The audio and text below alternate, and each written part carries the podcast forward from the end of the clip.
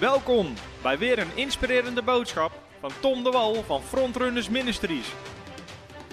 We bidden dat je via deze aflevering geïnspireerd wordt in je leven met God en opgebouwd wordt in je geloof.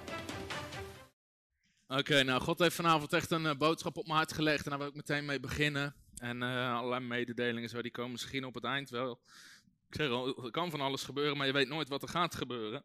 Zeker niet met dit soort conferenties. Weet je, daarom zijn die conferenties zo belangrijk, want de kracht van God bouwt op. Kijk, dit is het ding, God is altijd klaar. God zit als het ware in de hemel, hij zit te wachten. Hij zit te wachten om zijn kracht uit te storten. Hij zit te wachten om te geven. God is een gever. Maar wij zijn degene die ons harten moeten voorbereiden, die leren te wandelen. En daar wil ik het vanavond over hebben. ik bedoel, kijk naar handelingen hoofdstuk 19. Twee jaar lang was Paulus aan het preken en toen gebeurden er steeds grotere wonderen en wonderen en wonderen. Dus die dingen zijn er niet van de een op de andere dag. We moeten gewoon ons geloof blijven gebruiken. Amen. En ik wil het vanavond hebben eigenlijk over verschillende niveaus van geloof als het ware. En ik geloof echt dat dit mensen gaat zegenen. Omdat het gewoon een stukje duidelijkheid gaat geven. En het gaat je echt helpen. En ik wil ook een, eh, een hoop verhalen vertellen uit mijn eigen leven. En, uh, want Gerco zei nog, uh, hij zei, die verhalen hebben zoveel gedaan in ons leven. En mensen onthouden vaak verhalen heel goed. Jezus vertelde heel veel verhalen. En, uh, dus ik wil zeker ook wat getuigenissen delen. Nou, de, uh, vrijdagavond heb ik het gehad over waarom is geloof zo belangrijk. Als je nog niet hebt geluisterd, moet je echt terugluisteren. Het is echt een fundamentboodschap, maar wel ontzettend krachtig. Mensen werden echt enorm geraakt. En soms vragen mensen, waarom preek je zoveel over geloof? Nou, het lijstje was waarom? We worden gered door geloof ten eerste. Dan zegt de Bijbel, we behagen God door ons geloof. Door ons geloof worden onze gebeden beantwoord. We leven door geloof. En dan zegt de Bijbel, geloof geeft ons overwinning in 1 Johannes 5 vers 4. Geloof brengt je in je beloofde land. Wie, wie is hier van plan om zijn beloofde land in te gaan nemen? Wat God voor je heeft, daar heb je geloof voor nodig. Want je komt van die hele grote lelijke dingen tegen, genaamd reuzen, die je eruit willen houden. En daar heb je geloof voor nodig. En zegt maar, door geloof ontvangen we Gods beloftes. Dus dat is gewoon überhaupt wat geloof doet. Nou, waarom vindt God geloof zo belangrijk? Om het even weer terug te pakken daarop. De Bijbel zegt in nummer 23, vers 19, dit is zo'n kerntekst. Ik ga hem even lezen uit de MBV. En um, dat is handig als mensen iPhones hebben, dan kunnen ze natuurlijk heel uh, makkelijk vertalingen switchen. Dit is zo'n krachtige tekst. Daar staat namelijk dit, over wie God is. God is geen mens. Dat hij zijn woord zou breken of terug zou komen op zijn besluit. Zou hij beloven en het niet vervullen? Zijn woord geven en het niet gestand doen? Zo, dat is wie God is. Er is één ding wat God niet kan. En dat is liegen. God kan niet liegen. Als God iets zegt, doet hij het. God is geen mens dat hij liegen zou. Zou hij iets beloven en het ooit niet vervullen? Nooit. We hebben gezegd, waarom is geloof zo'n fundament? Omdat God werkt met een relatie. En iedere relatie, zelfs menselijke relaties, zijn gebaseerd op basis van vertrouwen. Als je elkaar niet vertrouwt, dan heb je geen goede relatie. Nou, in menselijke relaties gaat er nogal wat mis, want mensen zijn niet altijd te vertrouwen. Mensen kunnen ja zeggen en nee doen. Mensen kunnen A zeggen en B doen. Maar dat is niet onze God. Want als God A zegt, is het A. Als God ja zegt, is het ja. Als God iets belooft, maakt hij het waar. Dus als menselijke, imperfecte relaties al werken met vertrouwen of met geloof, hoeveel te meer werkt onze relatie naar een perfecte God met geloof? Amen? En daarom is geloof zo belangrijk. Dus waarom zegt in Hebreeën hoofdstuk 11, geloof is de zekerheid. Het is een zekerheid in je hart. Je weet van tevoren al zeker wat God gaat doen. Dat is geloof. Jezus bijvoorbeeld in Matthäus hoofdstuk 8, zegt die hoofdman, zegt dan, Heer, mijn uh, knecht ligt ziek thuis. Jezus zegt, ik zal komen en hem genezen. Dat is geloof. Jezus zegt niet, nou, ik ga wel mee en dan kijken wat er gebeurt, hè, of de wil van de Heer is en hoe de Heer het allemaal leidt. En misschien zijn zijn wegen wel ondergrondelijk en komen we er niet uit. Maar nee, Jezus zegt, Jezus wist van tevoren wat er zou gaan gebeuren als hij mee zou gaan. Dat is geloof en daar mogen wij ook in groeien. Dat we diezelfde zekerheid hebben. Dat we God zo leren kennen. Dat we zo'n vertrouwen hebben in zijn woord. Dat we zeker weten wat God gaat doen. Kan je daar naartoe? Absoluut. Absoluut. Dat is zelfs de bedoeling. Maar we hebben verschillende niveaus van geloof. En daar wil ik vanavond over spreken. En ik wil kort beginnen met bidden. En daarna gaan we hier induiken. Dank u, Vader God, voor uw geest, Heer, wat u tot nu toe al gedaan hebt. Heer, dank u wel voor nieuwe niveaus die u ons, bij ons naar binnen brengt, Heer, en die u aanhaalt. Heer, ik bid voor de gave van geloof en de geest van geloof vanavond om op mensen te vallen. In de machtige naam van Jezus, spreek tot ons. In Jezus' naam, amen. Amen. Dus ik bid echt dat je die gave of die geest van geloof gaat pakken. Daar ga ik vanavond wat over uitleggen. Weet je dat geloof zichtbaar is? over mensen. Bijbel zegt in Handelingen 14, toen Paulus zag dat de man geloof had om gezond te worden. Geloof is zichtbaar, geloof is tastbaar. Sommige mensen kunnen letterlijk stralen van geloof. En ik geloof echt dat God wel dat soort dingen geven aan ons, dat we gewoon stralen van geloof. In genezingsdiensten, soms komen de mensen en je weet dat wonder gebeurt. Die stralen van geloof, die weten al zeker wat er gaat gebeuren en daar mogen we allemaal komen. Nou, er zijn verschillende niveaus van geloof, om het zo maar te zeggen. En, en ook hoe we daarin kunnen wandelen. Ten eerste heb je verschillende maten van geloof. Daar wil ik het eigenlijk niet echt over hebben vanavond. je kan bijvoorbeeld geen geloof hebben, helemaal geen geloof, of ongeloof. De Bijbel spreekt over klein geloof, kleingelovigen. Of groot geloof. Wie wil daar naartoe? Wie wil een groot geloof hebben? Ik zei vanmorgen, sprak ik in de shelter Haarlem, heb ik ook uitgelegd. Er was maar één ding waar Jezus zich over verwonderde. Het was niet over de problemen van mensen, het was over het geloof van mensen. Jezus zegt, voorwaar, voorwaar, zo'n groot geloof heb ik nog nergens gevonden. Jezus verwonderde zich, zegt de Bijbel over, het geloof van die man, was van die hoofdman. Nou, Jezus was op een andere situatie verwonderd van een ongeloof. Zei hij, voorwaar, voorwaar, ik heb nog nooit zoveel ongeloof gevonden. Maar dat zijn wij niet, amen. Ik wil Jezus verbazen met mijn geloof. Zou dat niet wat zijn? Dat God in de hemel zit, Jezus aan zijn rechterhand, en dat Jezus de Vader aan zegt, moet je nou kijken waar ze ons voor gaan geloven. Dat is gaaf. Geloof mij, je gaat echt niet in de hemel komen dat God zei, nou ik was wel groot, maar zo groot hè, dat je dacht dat ik dat kon doen. Nee, is grappig hè? Ja. Hij verwonderde zich letterlijk. Weet je, ik heb zin om God te verwonderen met ons geloof. Dat God zegt bijvoorbeeld, gaan ze nou voor, voor 200.000 boeken? of een half miljoen boeken? Wat als we iedereen in Nederland gewoon een boek geven, dat we 17 miljoen boeken drukken? Halleluja! maar goed, dat zijn maten van geloof. De Bijbel zegt in Romeinen 12, vers 3, we, krijgen allemaal, we hebben allemaal maten van geloof gekregen. Op het moment dat je wedergeboren bent, heb je daar geloof zitten. En het is aan jou om dat te ontwikkelen. Het is net als met spieren. Hier op de voorste rij zitten twee bodybuilders. Oké, het is er eentje. Sorry, Roel. Wij zaten vanavond allemaal Chinees te eten. Zij zat rijst met uh, kalkoenfilet te eten. En, uh, maar dat is net als met spieren. Je, weet je wel, de, je spieren kan je trainen, kan je ontwikkelen, kan je groter maken, kan je sterker maken. Sorry Rol dat ik je... Hier, houd je armen vast, wat komt wel goed, lieverd. Roel en Edda zijn een frontrunner setje. Woe! Lambert, waar is Lambert? Die is nog single. Waar is Lambert? Maakt niet uit. Die is, die al gerend. Die weet al waar dit heen gaat. Die denkt, oh nee. Die is gevlucht. Ja. Die weet als we over dit soort dingen beginnen. Maar, maar goed, maakt niet uit. Iemand anders nog single zoeken? Laat maar zitten. Oké, dat, is dat is een ander thema. Dat is de Marriage Conference. Oké, maar je geloof is net als met spieren. Maar we kunnen groeien. Nou, ik wil het eigenlijk hebben over verschillende gebieden of verschillende niveaus van geloof. En we gaan Romeinen 4, vers 11 lezen. je, en dit gaat iedereen helpen. Of dat je al lang bezig bent. Hè, sommige mensen hier zijn al, al lang bezig met wandelen in geloof en een groei in geloof. Anderen zijn hier eigenlijk net mee begonnen. Wie, voor wie is dit geloofsonderwijs redelijk nieuw? Die zegt, oh, dit is best wel nieuw hier. Voor heel veel mensen is het best wel nieuw. Terwijl anderen zeggen, joh, wie zegt, ik ben hier al meer dan tien jaar bekend mee. Zie je, er zijn ook mensen. Ik zeg twee keer dezelfde mensen, die weten niet zo goed. Aan de andere kant, als je tien jaar bezig bent, ben je pas net begonnen in het Koninkrijk van de Heer, toch? Uh, dus dat is ook wel goed. Romein hoofdstuk 4, dat spreekt over uh, Abraham en Abrahams geloof. Nou, niveau 1 van geloof, waar ik het even over hebben vanavond. Daar staat, we gaan even lezen vanaf vers, uh, laten we even vers 12 gewoon doen. En we vallen midden in een gedeelte, maar dat maakt niet zo uit, ik wil er één ding uitlichten. Er staat, en om een vader te zijn, gaat over Abraham, van hen die besneden zijn. Maar voor hen namelijk niet alleen die besneden zijn, dus Abraham is niet alleen voor de Joden, met je, God wilde alle volken zegenen in Abraham, maar die ook wandelen Oh, dat gaat trouwens over de heiden al. Maar die ook wandelen in de voetsporen of in de stappen van het geloof van onze vader Abraham. Dat hij nog had toen hij onbesneden was. Nou, hier staat iets over wandelen in de voetsporen of in de stappen van Abraham. Abraham is eigenlijk het grote voorbeeld in de Bijbel als het gaat om geloof en als het gaat om onze gerechtigheid. Want Abraham ontving überhaupt zijn gerechtigheid niet omdat hij de wet gehoorzaamde.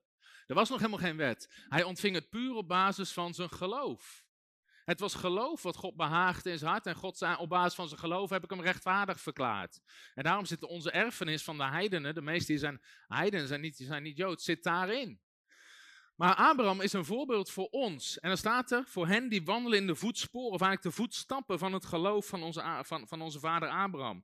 Nou, Abraham moest leren om God te geloven. En wij, dat is voor ons allemaal, wij leren om God te geloven. Kijk, Abraham was niet meteen waar hij op een gegeven moment 25 jaar later was. Hij begon gewoon met een stap. En een stap. En God vroeg iets van hem en hij begon gewoon stappen te zetten. En het eerste niveau van geloof is gewoon simpelweg stappen zetten in geloof. Of eigenlijk zou je kunnen zeggen uitstappen in geloof. Die term ken je misschien wel, uitstappen in geloof. En dat is het eerste niveau waar we allemaal doorheen moeten. Jezus nam zijn discipelen mee. En hij riep zijn twaalf discipelen en die moesten op een gegeven moment gaan uitstappen in geloof. Er kwam een keer, de eerste keer, dat Jezus zei, genees de zieken tegen ze. Moesten ze voor de allereerste keer, moesten ze zieken gaan genezen. Nou, dat was denk ik wel een stap, toch? Wie herinnert zich nog de allereerste keer dat je handen hebt gelegd op een zieke? Wie dacht het toen ook? Ik ben knettergek geworden. Ja, maar als we eerlijk zijn, de meeste van ons wel. Nou, misschien hebben de discipelen exact hetzelfde gedacht. Die dachten, oh nee, waren nog maar aan het vissen, maar goed, hier gaan we. Er komt ergens een keer een eerste keer. Toen kwam er de eerste keer dat ze een demon uit moesten drijven. Toen kwam er een eerste keer dat ze moesten prediken. Weet je, voor alles is een eerste keer. En dat zijn je eerste stappen in het geloof. Dat is je eerste niveau. En iedereen zit daar. Of iedereen begint daar, laat ik het zo zeggen. Je, er zijn hier misschien mensen die zeggen, joh, ik heb nog nooit voor een zieke gebeden. Ik heb nog nooit handen op zieken gelegd. Ik heb nog nooit een demon uitgedreven. Nou, al die dingen zijn voor alle gelovigen. Marcus hoofdstuk 16. Drijf demonen uit, genees zieken, spreek in tongentaal. Is voor iedere gelovige. Alleen er komt allemaal een moment dat we onze eerste stap erin moeten zetten. Dat een collega bijvoorbeeld zegt van ik, ik heb pijn in mijn rug. En dan voel je van binnen, gedung, gedung, gedung. En dan komt er in één keer omhoog, ze de handen leggen op ziek en dan kijk je, ja, ik heb echt van die flappen met vijf vingers eraan, ik heb ze. En dan moet je ergens een keer gaan voor de eerste keer. En in het begin, man, je hart zit in je keel, je denkt, oh nee, oh nee, oh nee. Maar ergens moet je daar doorheen. Je bent je eerste stappen in geloof aan het zetten. En het zijn gewoon stappen in geloof. En dat kan op elk gebied. En het begint vaak zo. Je leest iets in het woord van God. Of je hoort iets in een preek. Je gaat dat onderzoeken. Je gaat erop mediteren. En uiteindelijk gaat er maar één moment zijn dat het gaat werken. En wanneer is dat? Als je het gaat doen. Als je het gaat doen. Weet je, iemand vroeg mij van onze bijbelschool. Hoe ben je hier allemaal? Hoe komt het dat je dit allemaal doet? En toen ik net tot geloof kwam, alles was nieuw voor ons. Ik ben tot geloof gekomen bij Casper en Elske thuis. En alles was nieuw. Dus we kochten gewoon een boek over bidden en vasten. Nog nooit gedaan. Nooit onderwijs over gehoord. We hadden het niet van Herman Boon gehoord. Dat was een boekje van Derek Prins. En dan, nou ja, hoe gaan we uitwerken of dit moet? Dat is gewoon niet meer eten. Nou, de eerste dag had ik om vijf uur middags de frietpan aanstaan. Ik dacht, man, dit is niet vol te houden. Je kan wel lachen, je kan heel heilig kijken, maar de meeste van jullie hebben ongeveer hetzelfde gedaan. Weet je, en dan komt. Weet je, zo ging het echt. Weet je, over de eerste keer dat ik bad voor een zieke was in een samenkomst van Jesus Culture, jaren terug van die band. En op een gegeven moment zeiden ze, als je ziek bent, steek je hand in de lucht. En jou overal handen in de lucht. En ik dacht, zo, ik ben benieuwd hoe ze dit gaan doen. Ik had gehoord van genezing, ik dacht, wauw, hoe gaat dit werken? En ze zeiden, draai je om en degene die achter je staat gaat voor je bidden. En iemand draait gewoon en kijkt naar mij. En ik dacht, nee, nee, hier, hier heb ik geen kaartje voor gekocht jullie moeten liedjes zingen, ik steek mijn hand in de lucht, dat is allemaal prima. Maar dit is toch niet bij de ticket? Hier hoor ik geld voor te krijgen, niet te betalen. Zo kan ik het ook bedienen. Weet je, maar er komt ergens een eerste keer dat je zieken gaat genezen. Er komt ergens een eerste keer dat je demonen uit gaat drijven. Dat een demon helemaal losgaat en dat je denkt, oh nee, wie gaat het doen? En denk je, oh nee, er is niemand anders of iedereen kijkt naar jou. En dan moet je wel. En dat zijn de eerste stappen die je zet. Ik had vroeger een vriend, was altijd heel makkelijk om uit te stappen in geloof. Want hij deed het niet, maar hij zorgde wel dat jij het ging doen. Dan liepen we samen door het winkelcentrum en dan zag hij een blinde man aankomen. En ik zag die man, ik had die man nog helemaal niet gezien, weet je. En op een laatste moment zei hey Tom, een blinde, bid voor hem. En dan ging hij zelf verderop staan kijken hoe dat ging.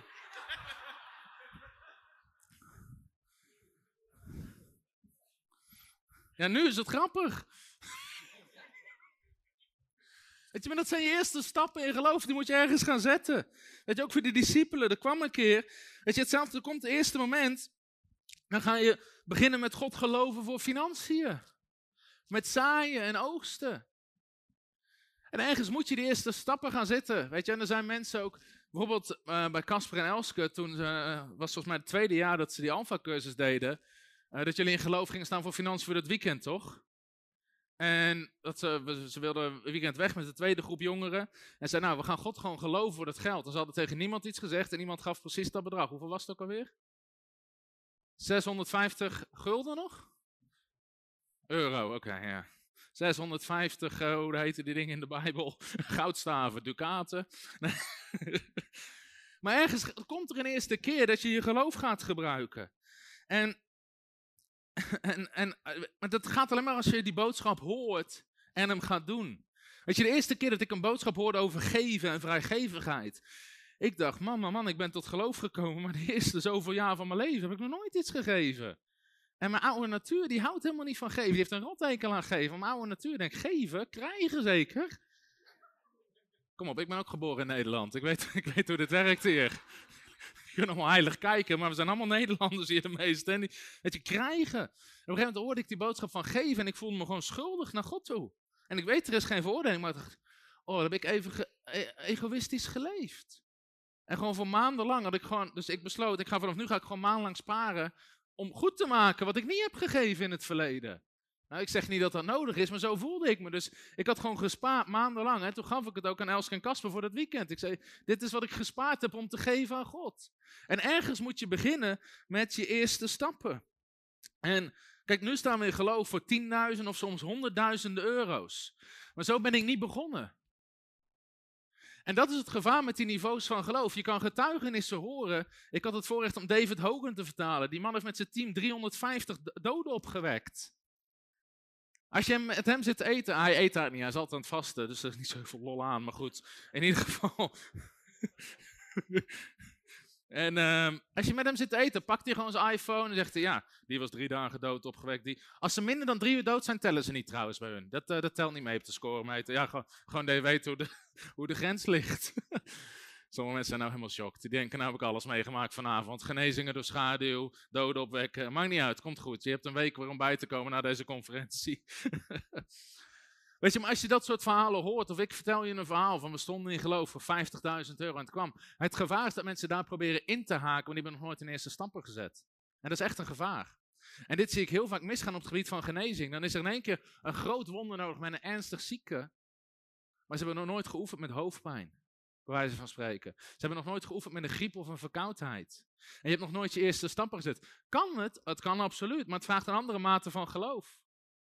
Als ze een blind iemand voor je, ogen, voor je neus zetten, waar die ineens oog, ogen in zijn oogkassen heeft, vraagt een ander niveau van geloof. Kan het? Absoluut. Alles is mogelijk voor degene die gelooft. Maar daar zit ons geloof niet meteen. Dus weet je, op een gegeven moment moet je de eerste stappen gaan zetten. Ik hoorde die boodschap over zaaien en oogsten. En ik had niet zo heel veel in die tijd, dus ik dacht, nou, we gaan het gewoon proberen. Op een gegeven moment kreeg ik, ik kreeg van iemand een mooie pen, maar ik was een student. Dus ik dacht, ja, weet je, echt zo'n student die heel erg op zijn pen zit te bijten. Het was echt zo'n, ik dacht, nou ja, ik ga, geen, ik ga niet met een hele dure pen zitten schrijven als ik weer notaris ben. Dus ik dacht, nou, ik ga gewoon proberen of die boodschap werkt. Dus ik zocht een, uh, was Gertjan de Groot, die nou op onze business school spreekt ook.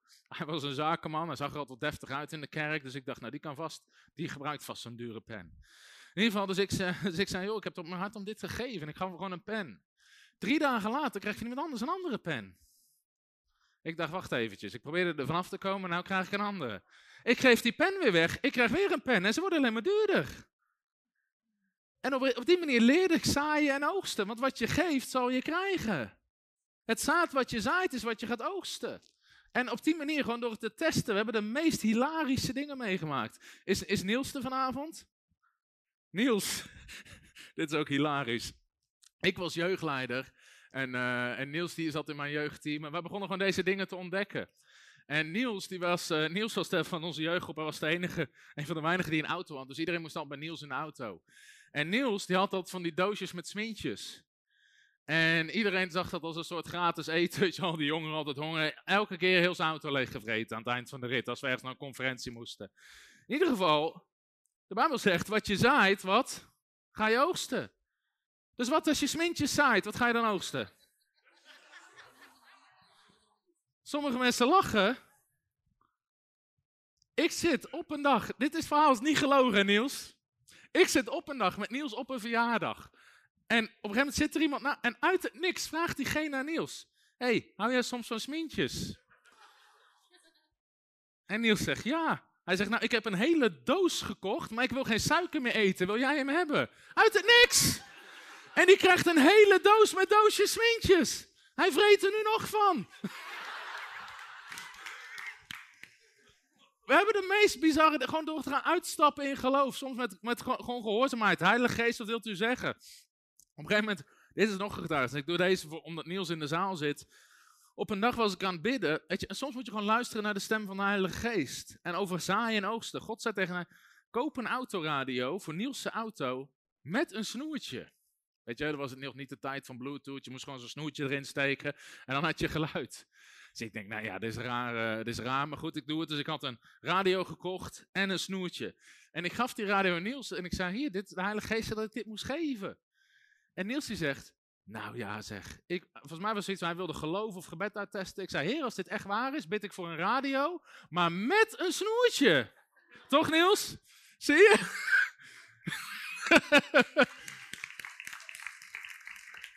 En op die manier zijn we gewoon geloof gaan testen met de meest simpele dingen. Ik zei al, weet je, op een, gegeven, op een gegeven moment wilde ik naar een conferentie in Amerika. Ik zag er een ministers conference en ik had echt op mijn hart om daarheen gaan. Ik ervoer een roep van God. Ik had 0 euro. Ik had helemaal niks. En ik zei, Heer, u zegt dat ik alles kan bidden en geloven dat ik het ontvang. Dus ik bid op dit moment dat mijn hele reis naar Amerika, dat ik daarheen zou gaan en betaald zou worden. Met dat ik aan het bidden ben, gaat mijn telefoon. En het is iemand die ik ken. En ik neem op. Hij zegt: uh, hey Tom, ik zag. En we hadden nergens over. Hij zegt: Ik zag die conferentie langskomen. Ik wil daar graag heen. En ik dacht: Misschien vind jij het leuk om mee te gaan. Ik betaal alles: tickets, hotel. Ik betaal alles. Je, en op die manier leerden we gewoon wandelen in geloof. En op die manier hebben we echt wel honderden verhalen. Wie vindt dit soort verhalen mooi? Halleluja. Ik, ik, ga nog een paar vertellen over die begintijd. Gewoon, dit zijn stappen in geloof. Weet je, op een gegeven moment, ik zei al, hoe ik heb leren bidden was omdat ik gewoon geen geld had. Dan moet je bidden. Ik zeg dat is net zoals in Afrika, daar hebben, ze niet meer, daar hebben ze niet meer geloof. Ze hebben gewoon veel minder opties. je kan niet zoveel anders. Ik was op een dag met, uh, volgens mij was dat uh, uh, met Ruben, Ruben die piano speelde. We waren op een dag in, volgens mij was dat in Amsterdam. Hoe heette die man ook weer met dat rode haar die daar sprak? Carl Anderson of zo? Weet je nog? We waren daar op Carl Anderson, die had een conferentie over zieken genezen, demonen uitdrijven en het koninkrijk en alle interessante dingen. En ik had dat nog nooit, eh, weet je, we hadden het wel gehoord, maar hij had een boek en een dvd. En ik dacht, oh, die boek en dat dvd moet ik hebben. Maar weet je, dat kostte geld. Ik weet niet hoeveel. Het ging echt om bijna niks. Volgens mij 20 of 25 euro of zo. Maar ik had geen geld. Ik had geen geld. En het ding is, weet je, sommige mensen gaan bedelen, maar dat is niet de bedoeling. Weet je, je kan je geloof gebruiken. Dus ik letterlijk, ik ging naar de wc en op de wc ging ik bidden. Ik zei, Heer, ik wil dat boek hebben en die DVD hebben om te groeien in geloof. Ik bid dat iemand die aan me geeft. Amen. Ik liep het toilet uit, komt iemand van die conferentie naar me toe en zegt, hey, ik heb het op mijn hart om dat boek en de DVD aan jou te geven. Wil je die hebben? Ik zei, amen, die wil ik hebben. Halleluja. Weet je, sommige Nederlanders zeggen, oh nou nee. Moet je niet zeggen, maar zeggen, eindelijk. Eindelijk. Weet je, we moeten ook leren ontvangen. Weet je, was gewoon die begintijd met zaaien, oogsten, al die dingen meer. En op een dag, eh, wie heeft nog nooit het verhaal gehoord hoe ik mijn eerste auto heb gekregen? Zijn auto, nee, nog nooit? Dit is ook een hilarisch verhaal. Dit is een mooi verhaal. Ik zat met uh, met Kasper, we waren in, ik weet niet eens meer waar het was. Ergens in Dordrecht. En uh, er was daar een avond met Steve Meiringen, Steve de profeet. Steve was een profeet. Ik kende Steve nog helemaal niet. Het was denk ik een van de eerste keer dat we naar hem toe gingen. De tweede keer dat we er waren. Oh ja, de eerste, keer, eerste keer was met de kip. Dat is ook een verhaal, hè? Maar goed. ja, je maakt dan mee in het koninkrijk. De verhaal met die kip komt de andere keer. Uh, het was de tweede keer, hij kende ons helemaal niet. En Steve zou gaan profiteren. En, Steve die, en ik was jeugdleider toen. Nou, het verhaal was dat Eerst was ik en jeugdleider en ik deed HBO en ik werkte um, gewoon om, om, om gewoon wat, geld te hebben als bijbaantje. En op een dag, oké, er zitten andere verhalen vast, die vertel ik ervoor nu. Op een dag sprak God op me van, ik wil dat je stopt met werken. Ik wil dat je mij helemaal gaat vertrouwen. Want het jeugdwerk was zoveel werk, ik had geen tijd om, om dat er ook naast te doen. En mijn opleiding leed eronder. In ieder geval, dat was met, uh, weet je nog dat we in Roermond zijn geweest? Ik ga die naam niet noemen. Um, uh, want dat zou, dat zou niet goed zijn. In ieder geval, uh, we zouden die avond naar een conferentie gaan in Roermond. En die dag kreeg ik ook te horen, terwijl God had dat gesproken, had er wat lastig mee. Ik kwam die dag op mijn werk en ik werd ontslagen, omdat ze hadden stagiaires van een school en die gingen mijn werk doen en die waren goedkoper. En ik was al met 3 euro per uur. Kan je nagaan, kan je nagaan wat die hebben gekregen? Waarschijnlijk niks. Oh, halleluja. In ieder geval, dus ik was die dag mijn baan kwijt. En die avond zouden we naar Roermond gaan, naar een grote conferentie met een hele bekende spreker uit het buitenland. Ik had nog iets van 78 euro en 40 cent. En God zei, dit zal de laatste keer zijn dat je werkt. Ik wil dat je mij gaat geloven voor voorziening.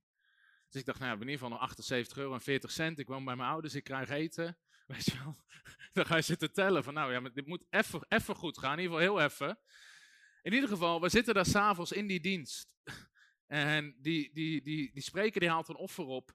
En ik was het niet eens eigenlijk in die, in, zo, in die zin dat hij zei op een gegeven moment, ja, ik wil bidden voor iedereen, speciale zalving bidden voor iedereen die een grote gift geeft, zei hij. Nou, dat kan nog, hè, als je dat op je hart hebt. Hij zei, maar het moet minimaal, het van 1000 euro of zo zijn, zei hij. Zoiets. Minimaal 1000 euro. Nou, het ding was, ik dacht, ja, ik zei, maar heer, dat kan niet. Weet je wel, voor iemand anders is een grote gift. Weet je, voor mij was 50 euro was een grote gift, dat is meer dan de helft van mijn vermogen. Ik zei, heer, dit kan niet, dit is niet goed. En God spreekt op me, Tom, je geeft vanavond alles wat je hebt. En nogmaals, ik zeg niet dat het een goede manier is om een offer op te halen, maar God test wel je gehoorzaamheid. Dus met tranen mijn ging naar voren met alles wat ik had. En ik gaf alles wat ik had en vanaf dat moment was het geloof. En, en dat was hilarisch. Dus op een gegeven moment, wij komen bij Steve. En op een gegeven moment, ik was gezegend met een, met een Tomos. En ze noemden me altijd apostel Tomos als jeugdleider. Zoals dat daar komt, apostel Thomas. Dat ding was zo oud. Ik had geloof nodig om hem te starten, om hem te rijden en om hem te remmen. En om hem te tanken. ik had gewoon geloof nodig voor dat hele ding. Zo oud was die. In ieder geval, wij komen bij Steve. En Steve die, uh, en Steve die profiteert. En die zei van ja, ik zie dat je dingen doet met jeugd en dit en dat. En hij zegt, je hebt wel een rijbewijs, maar geen auto. God gaat je een auto geven. Ik dacht, halleluja. Weet je, een profetie. En ik had tegen niemand iets gezegd. Weet je, dat is hoe je geloof leert. Je gaat niet naar Facebook. Oh, ik heb net een profetie gehad dat God mijn auto gaat geven. Hoe zou het komen? Huh? Sommige mensen zetten, erop. Wie weet waar ik een auto kan kopen? Bij de autohandelaar. Ze verkopen ze aan iedereen. In ieder geval, ik zei tegen niemand iets. Ik ging er gewoon voor bidden. En een gegeven moment, ik was aan het bidden en ik had toen nog geen relatie met Femke. Femke zat in de jeugdgroep. En het was heel hilarisch, want ik had een pastoraal gesprek met een jongen uit de jeugdgroep en ik had hem geholpen. Hij zei, ja, ik wil je bedanken. Hij zei, ik weet niet waarom, maar ik wil je dit geven. En hij gaf mij een sleutelhanger. Nou, ik had helemaal geen sleutel. Die Thomas, die hoefde niet eens op slot, die nam niemand mee. dat zou bijna een zegen zijn als ze je van dat ding afhielpen. In ieder geval, dus hij gaf mij een sleutelhanger. Dus ik dacht, wauw, weet je, God is iets aan het doen. Ik heb in ieder geval de sleutelhanger. Dat is een begin, toch? We zeggen voor achterdag van het kleine begin niet. Weet je, ik had echt ik had zo weinig geld. Ik had niet eens een tennisbal uh, om over de trekhaak heen te doen. Zie je wel van auto's rijden met zo'n tennisbal over de... Ik had niet eens genoeg geld voor een tennisbal. Dus ik was... Ja, dat is echt een leuk verhaal. Ik was in ieder geval blij met, blij met die sleutelhanger. En ik zat thuis te bidden. Ik had tegen niemand iets gezegd. En mijn telefoon ging en het was Femke. En Femke, eh, en Femke wist niet dat ik hier voor aan bidden was. En Femke zei, ik ben thuis aan het bidden en God laat me zien dat jij voor een auto aan het bidden bent. Klopt dat? Dus ik zei, ja, dat klopt. Ze zei, nou, God heeft gezegd dat ik je duizend euro moet geven en het moet een rode auto zijn. Ik dacht, halleluja, daar ga ik mee trouwen.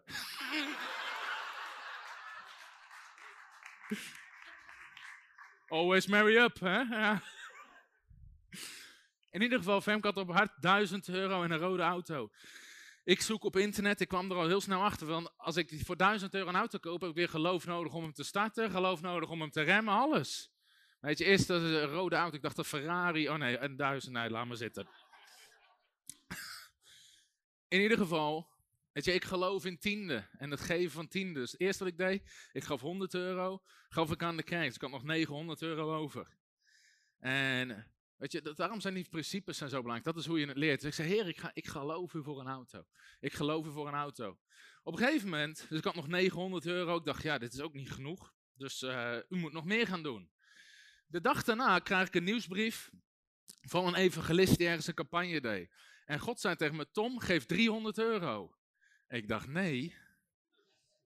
U heeft iets gezegd over een auto, weet u nog? Maar God zei, nee, geef 300 euro. En bleef maar terugkomen, 300 euro, 300 euro. Nou, op dat moment, kan je nagaan hoeveel dat was voor mij? Ik had nog nooit 1000 euro gehad in mijn leven. Maar goed, ik gehoorzaamde God, er bleef maar terugkomen, dus ik gaf 300 euro. Ik had nog 600 euro over. Die zondag zit ik in de kerk, deze een paasproject of zo, met allemaal dingen uitdelen. En God zegt, Tom, geef 100 euro. Ik zei, heer, als we zo doorgaan, wordt het een driewieler, geen auto.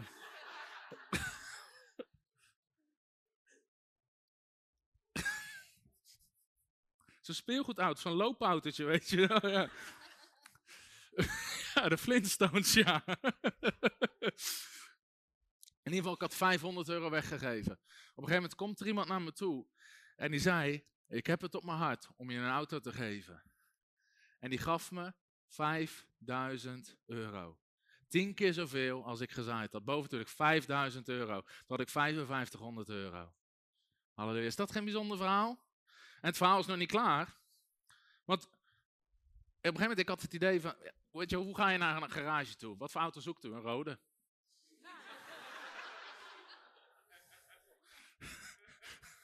Ja, dat doen de meeste vrouwen, ja. Maakt niet uit wat voor merk, hoeveel wielen of die remt. Hij moet gewoon die kleur zijn. Ik denk ja, ik zeg, heer, nou moeten we me ook de juiste auto geven. In ieder geval, ik had in mijn hoofd zo'n zo'n zuinig autootje, zo'n klein autootje, uh, zo'n 107, zo'n Peugeotje of Toyotaatje. In ieder geval, dus ik dacht, nou, ik ga zoeken naar zo'n rode 107. En ik wist dat een vriend van mij, uh, of, of, een kennis van mij uit de kerk, um, die had zo'n ding staan, maar dat was een, dat was een, was een andere kleur, dus was geen rode. Dus ik bel hem op en ik zeg van, joh, bevalt die auto? En je, ik dacht een beetje informeren. Hij zei van ja, ja, ja, bevalt wel. Hoezo dan? Wil je, er een, wil je hem kopen of zoek je iets? Ik zei ja, maar ik moet een rode hebben. Hij zei nou, mijn broer heeft dezelfde auto in het rood vandaag te koop gezet. En de geest van God zegt tegen mij, dat is je auto. Ik zeg, ik koop hem. Hij zei, hoef je niet eens de prijs te weten. ik zei, nee, ik koop hem. Dus in ieder geval, die broer kwamen in contact en die bleek af, ook sinds kort naar, naar, naar die kerk te komen. En op een gegeven moment hadden we afgesproken en hij, hij gaf me 1000 euro korting omdat ik in de kerk zat. En op een gegeven moment dus kon voor 4500, en normaal was die auto 5500, kon voor 4500 euro kopen. Ik had geld om wegenbelasting, verzekering een jaar vooruit te betalen. In ieder geval, hij bracht die auto bij me. Hij zei, ja, hij zei, dit is wel heel boven natuurlijk hoor. Hij zei, weken geleden kwam ik voor het eerst in de kerk en ik zag jou lopen. Die nacht had ik een droom dat jij in mijn auto reed. Dit is echt waar. Dus ik werd wakker en ik zei tegen mijn vrouw: We moeten die auto aan die jongen geven. En zijn vrouw zei: Ben jij gek geworden?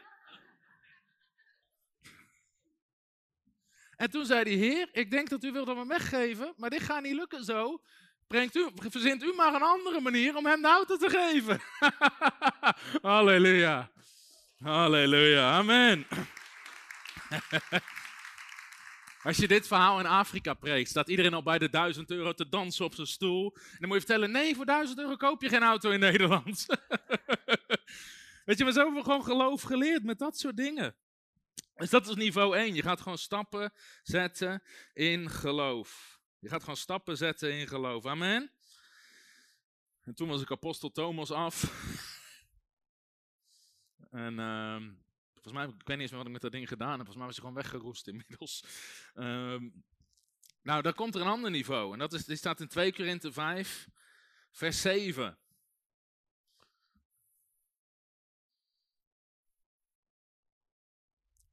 Twee Korinthe 5 vers 7. Wie houdt van dit soort verhalen?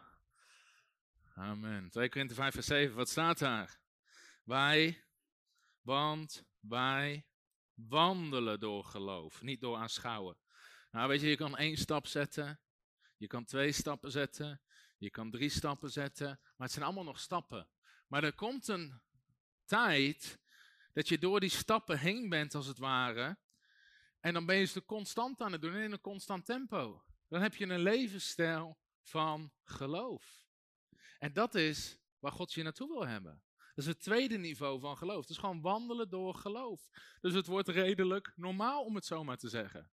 Je hoort te komen op het punt dat het normaal wordt om zieken te genezen. Dat het normaal wordt om demonen uit te drijven. Dat het normaal wordt om in tongentaal te spreken. Weet je, de eerste keer dat je in tongentaal sprak, wie dacht er? Ja, nou ben ik helemaal, helemaal de weg kwijt. Amen. Dan zat je daar, nou ja, nou ja, nou ja. Ik hoop niet dat mijn familie dit ziet, want dit... Uh... maar op een gegeven moment wordt het normaal. En dan bid je in tongentaal. Je bidt niet alleen in tongentaal, je weet er gebeurt iets op dit moment. In de geest gebeurt er iets. En dan begin je steeds meer te wandelen in geloof. Dus het wordt normaal om te geloven voor wonderen. Dat is eigenlijk dat God trekt je naar een hoger niveau. God trekt je naar een hoger niveau. Dat dingen worden normaal. En dat, daar horen we allemaal te komen. En het is nogmaals, het is logisch dat de eerste keer hartstikke spannend is. En de tweede keer ook. En de derde keer ook. Maar God wil gewoon dat je op gaat groeien naar een hoger niveau. De Bijbel zegt, weet je, als we het, wat God ons geeft, ook als het één talent, moeten we gaan vermenigvuldigen. We moeten daar meer van gaan maken. Dit is de gelijkenis van het mosterdzaadje. Op een gegeven moment zeggen de discipelen zeggen tegen Jezus, Heere, vermeerder ons geloof. Ze baden om geloof. Maar geloof krijg je niet door gebed. Geloof krijg je niet door gebed. Dus Jezus zegt tegen ze, geloof is als een mosterdzaadje. Nou, heel veel Nederlanders hebben gezegd, ja zie je, een heel klein beetje geloof is genoeg. Nou, waarom zei Jezus dan tegen Petrus een paar hoofdstukken daarvoor, kleingelovigen? Dat zou raar zijn, toch? Dus het mosterdzaadje gaat er niet om over klein geloof dat het genoeg is. Wat is het mosterdzaadje? Je zaait het, je gebruikt het en het groeit. En dan wordt het steeds groter en groter. Dus die eerste stappen ga je steeds vaker doen, net zolang tot het normaal wordt. Dus ook met ziektes, weet je, de eerste keer leg je handen op iemand met rugpijn waarschijnlijk of met wat dan ook. En op een gegeven moment ga je geloof bouwen voor ernstigere ziektes. De allereerste keer kan je heel erg onder de indruk zijn van kanker bijvoorbeeld. En dat kan echt op je afkomen. Maar als je veel wonderen hebt gezien, op een gegeven moment wordt dat normaal. Dus ik sprak toevallig vanmorgen nog een voorganger. En het ging even over niveaus van geloof. En toen zei hij van, hij zei ja. Hij zegt, dat valt me op bij ons straatevangelisatieteam. Hij zegt, iedereen die met rugpijn komt, geneest.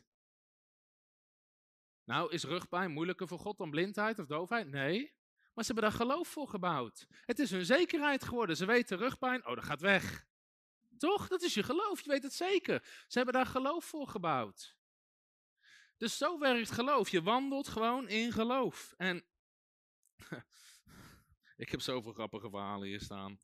Weet je, ik zat, omdat Gerko zei, je moet, eens, je moeten kijken naar wat verhalen. Ik, ik, heb, ik heb toen aantekeningen gemaakt. Ik dacht echt, waren wij zo gek als ik er nou terug zit te lezen? aantekeningen van dingen die toen gebeurden. Ik dacht, hebben we dat gedaan in geloof? en weet je, een van die dingen was op een gegeven moment dat Femke, ik zat op HBO en Femke, die, uh, die zou een jaar naar bijbelschool gaan. Weet je, wij, waren echt, weet je, sold out voor de kind. We deden alleen maar koninkrijk, prediken, evangelisatiecampagnes. Femke zou een jaar naar Engeland gaan. eigenlijk zouden we elkaar dat jaar niet zien, alleen uh, via Skype. En dat was, wij zijn twaalf maanden verloven van mevrouw Tiender in het buitenland heeft gezeten. Dus als sommige mensen afvragen, hoe kan je weinig ruzie maken? Nou, als, als, als een andere kant van land, eh, van, als ze in het buitenland zit, is dat heel lastig. Dus uh, voor iedereen die nog relatietips zoekt, wij kunnen je echt heel goed helpen. Koop een ticket voor je vrouw naar Engeland. Oké, dat is grappig hè.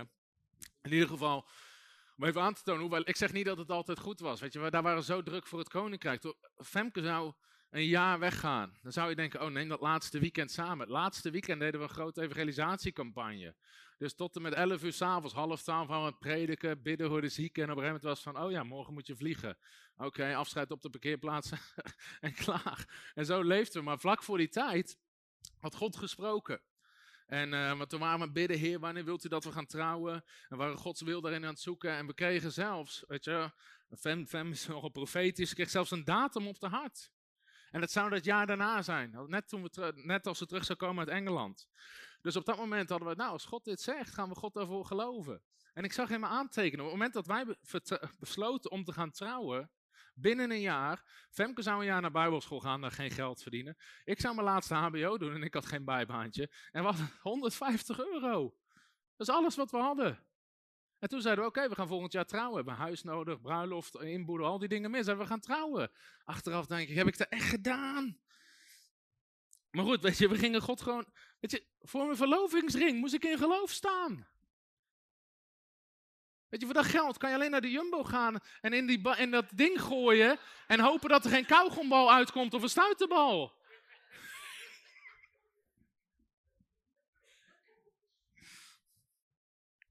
Waar heb je je verlovingsring gekocht? Ja, in dat voorportaal bij de Jumbo. Ik moest zes keer draaien. ik moest zes keer draaien, toen had ik eindelijk de ring. Maar goed, ik had ook vijf keer kauwgom. ik moest in geloof staan voor mijn verlovingsring.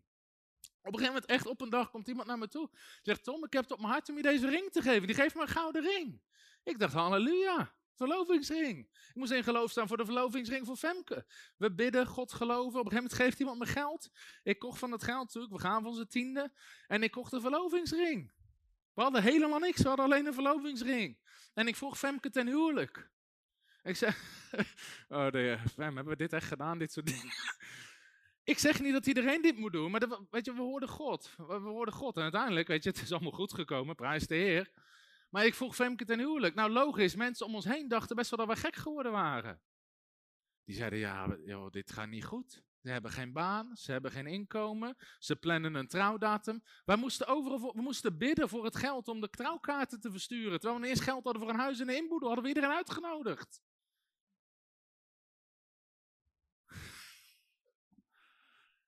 En op die manier leerden we gewoon geloof. En echt de meest bizarre dingen daarmee meegemaakt. En, en oh, dat verhaal is ook zo grappig over... Ehm, weet je, we stonden in geloof, wie wil dit verhaal horen? Sommigen kennen, maar dit is echt een mooi verhaal.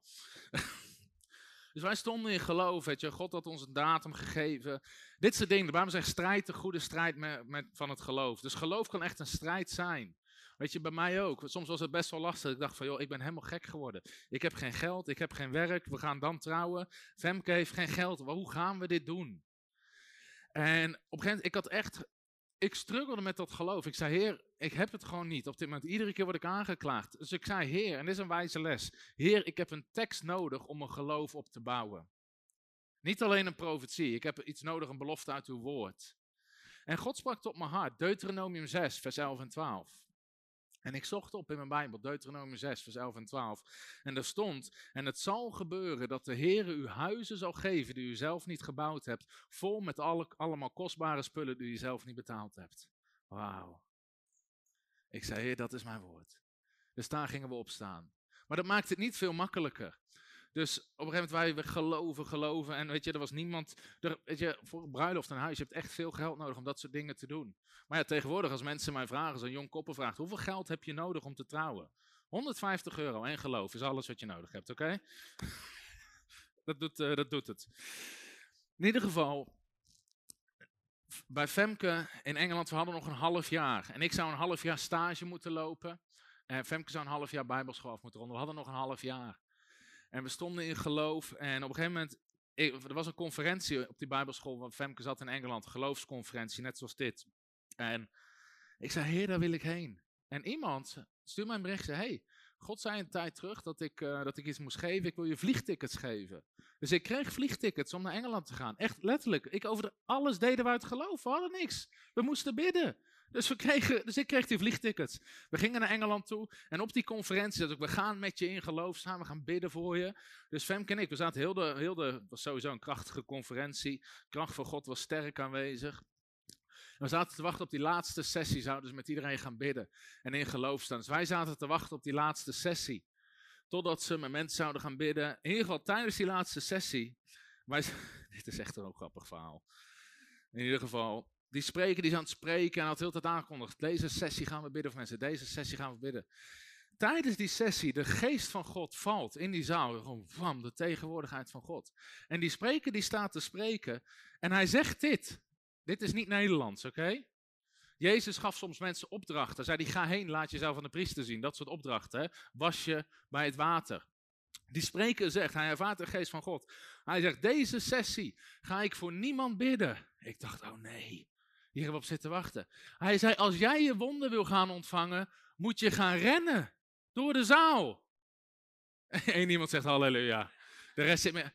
En Femke en ik zitten elkaar aan te kijken. We zitten daar. Wat? Rennen door de zaal? We zijn Nederlanders, dat doe je niet. Weet je, en wij zitten elkaar aan te kijken daar op die conferentie. En er zit één vrouwtje, waarschijnlijk zo'n vrouw die net achterin halleluja riep, die dat mooi vindt. Die, vrouw had acht of tien verschillende ernstige ziektes. En dat vrouwtje begint op te staan en die begint te bewegen en te bewegen en te rennen. En die begint te schreeuwen, I'm healed, I'm healed, I'm healed. En die ontving de wonder. En Femke en ik kijken elkaar aan. En we springen op en we beginnen te rennen. En we renden door dat gebouw. En op het moment dat iedereen die vrouw zag rennen, die hele zaal, honderden mensen, sprong op en begon rondjes te rennen. Gelukkig redelijk in dezelfde richting. Want het... Anders heb je een soort heilige geest kettingbotsing of weet ik veel wat het is. Maar ik zeg je, dit is een gek verhaal. Tijdens het rennen, het was niet zo dat, dat er iemand naast me kwam rennen met een sleutel van een huis en weet je wel. Maar wat er gebeurde tijdens het rennen, in één keer terwijl ik ik ontving de gave van geloof. Ik zeg altijd, als je het eind van je eigen geloof komt en je zet toch door, geeft God je de gave van geloof. En dat is zijn soort geloof, is Gods soort geloof. En ik ontving die gave gewoon terwijl ik aan het rennen was. In één keer wist ik het zeker. Ik kon niet meer twijfelen. Ik kon niet meer twijfelen. Ik wist gewoon, dit is het. We hebben het. In het natuurlijke was er niks veranderd, maar dat is geloof. En niks of niemand kon me ervan afpraten. We hebben gewoon die bruiloft doorgezet. Weet je, ik kwam in Nederland, het was op zondag, die conferentie was afgelopen. Ik vloog naar huis, op maandag was mijn eerste dag stage. De allereerste dag dat ik daar werk, weet je, ik, kwam iemand langs mijn kantoor en die zei, Tom de Wal, de directeur wil je zien. Ik dacht, nou, dat is een lekker begin. En het was ook zo'n echte directeur, zo'n hele grote man met een kaal hoofd die sigaren rookte, zo in zijn stoel. Echt zo'n echte directeur, weet je wel. Dan dacht ik, ja, dat is de directeur. in ieder geval, ik moest komen, die directeur. Hij zegt, uh, ja, je gaat hier stage lopen. Hij zegt, ik heb geen idee waarom. Dat hebben we nog nooit gedaan. Uh, maar we verdrievoudigen je stagevergoeding. En ik kreeg al de allerhoogste stagevergoeding van de hele klas. Dus uiteindelijk kreeg ik gewoon een, bijna een vol salaris om daar stage te lopen. Hij zegt, hebben we nog nooit gedaan, maar uh, dat doen we voor jou. Nergens om, ik kreeg bijna een vol salaris. En een half jaar lang kreeg ik gewoon een vol salaris. Je, en dingen begonnen te gebeuren. En natuurlijk, we waren aan het zaaien en allemaal dat soort dingen. En we zetten die bruiloft door. En weet je, bruiloft kost echt veel geld. Toen hadden we een huis nodig. En dus ik aan heer, waar gaan we naar huis? Op een gegeven moment, Casper die belt mij. En Casper zei, Casper heeft een bouwbedrijf. Hij zei, ik ben hier aan het werken in Merkenam, er komen hier nieuwe appartementen. Misschien is dat iets voor jullie. En de geest van God zei, dat is je huis. Dat is je huis. Dus ik belde die eigenaar op die dat wilde verhuren. Ik zeg, joh, ik heb gehoord dat je appartementen hebt. En hij begint gewoon maar te lachen. Hij zegt, ja, joh, we hebben zo'n lange wachtlijst. Hij zegt, je bent nummer 10. Hij zegt, dus dat wordt hem niet. Ik zei, nou, ik denk het wel. Zet me maar op de lijst. Dat is geloof, hè?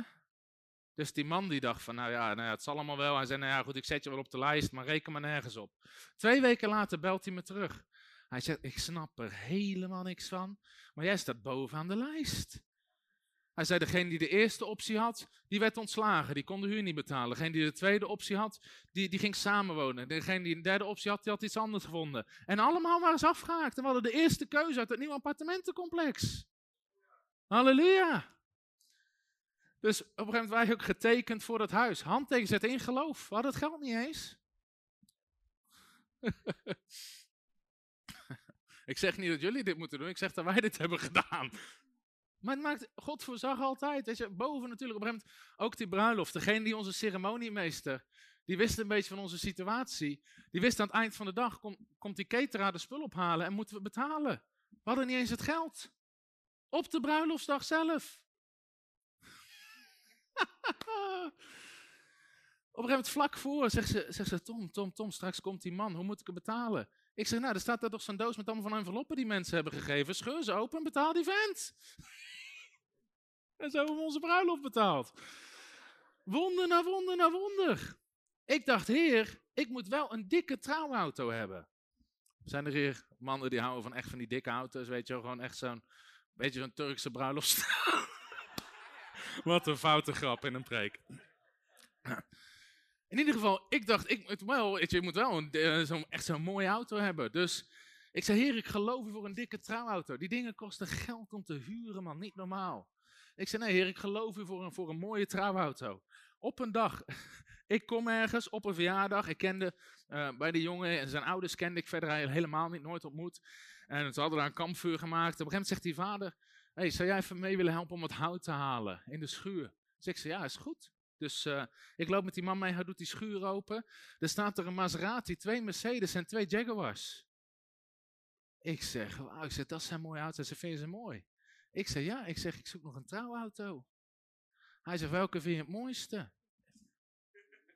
Is niet ik had die man nog nooit zien. Ik zeg, die Jaguar had zo'n hele snelle Jaguar staan met 400 pk.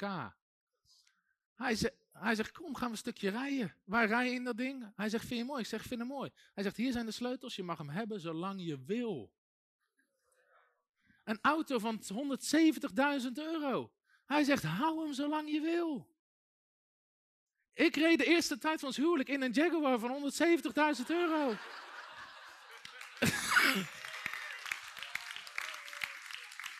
Dit is echt waar. Ik heb Femke. Femke werkte. Uh, nog een bijzonder verhaal. Man, als ik dit soort dingen vertel. Femke kwam terug uit Bijbelschool. En die wilde hier een baan zoeken. En hadden op de hart. God had gesproken dat ik voltijd moest beginnen met bediening. En Femke had op haar hart om eerst gewoon te gaan werken. We zaten op hem te skypen. Zij zat nog in Engeland. En de geest van God kwam over me. En ik zei: je moet, je moet solliciteren bij dat en dat bedrijf. Als een bedrijf waar ze ooit stage had gelopen. Dit was midden in de crisis. Niemand nam mensen aan. En was bij een tandartspraktijk. Dus Femke zei, ja, ja, ik ga wel solliciteren. Ik zeg, nee, je moet het nu doen. De geest God zegt, je moet het nu doen.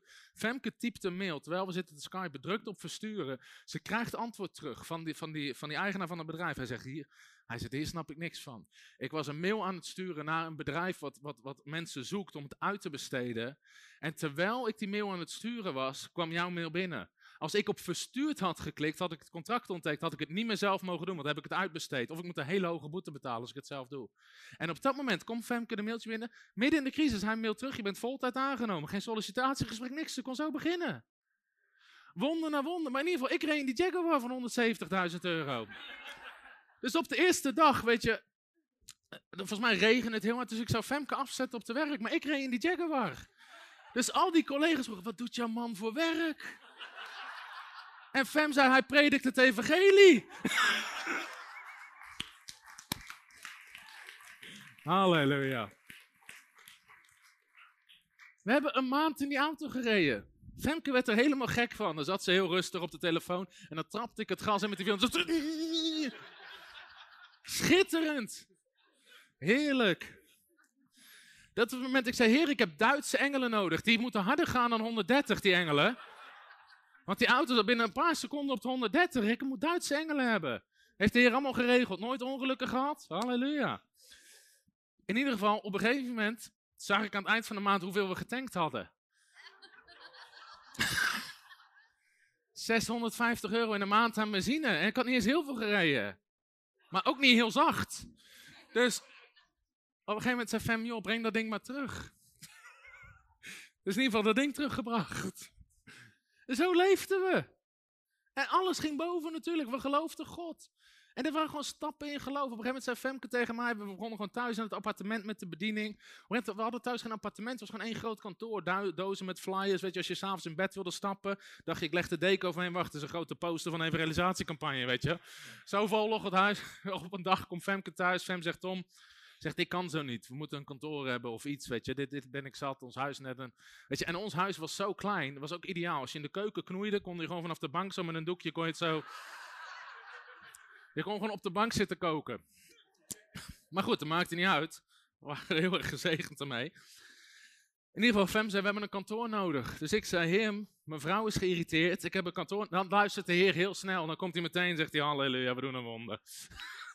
Grapje. Ik zei, heer, hebben een kantoor nodig. God geeft me een visioen. Meteen van een kantoorpand hier in de straat. Dus ik dacht, hé, hey, dat staat op het industrieterrein. Ik was er vaak langs gereden.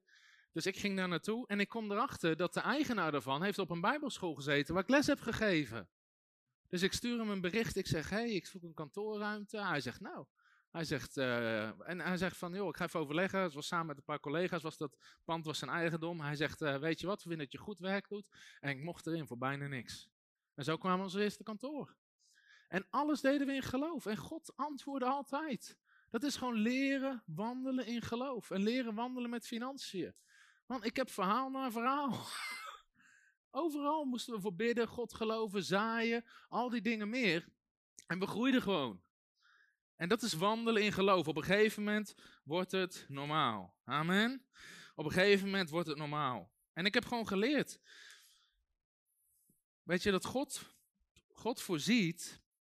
Ik ga gewoon wat, ga gewoon wat verhalen vertellen. Om te laten zien, je moet je geloof gaan gebruiken. Je moet je geloof op dingen inzetten. Wie houdt van dit soort verhalen? Amen. Op een gegeven moment, dus ik was begonnen met de bediening en al die dingen meer. En ik, ik zou ergens moeten spreken.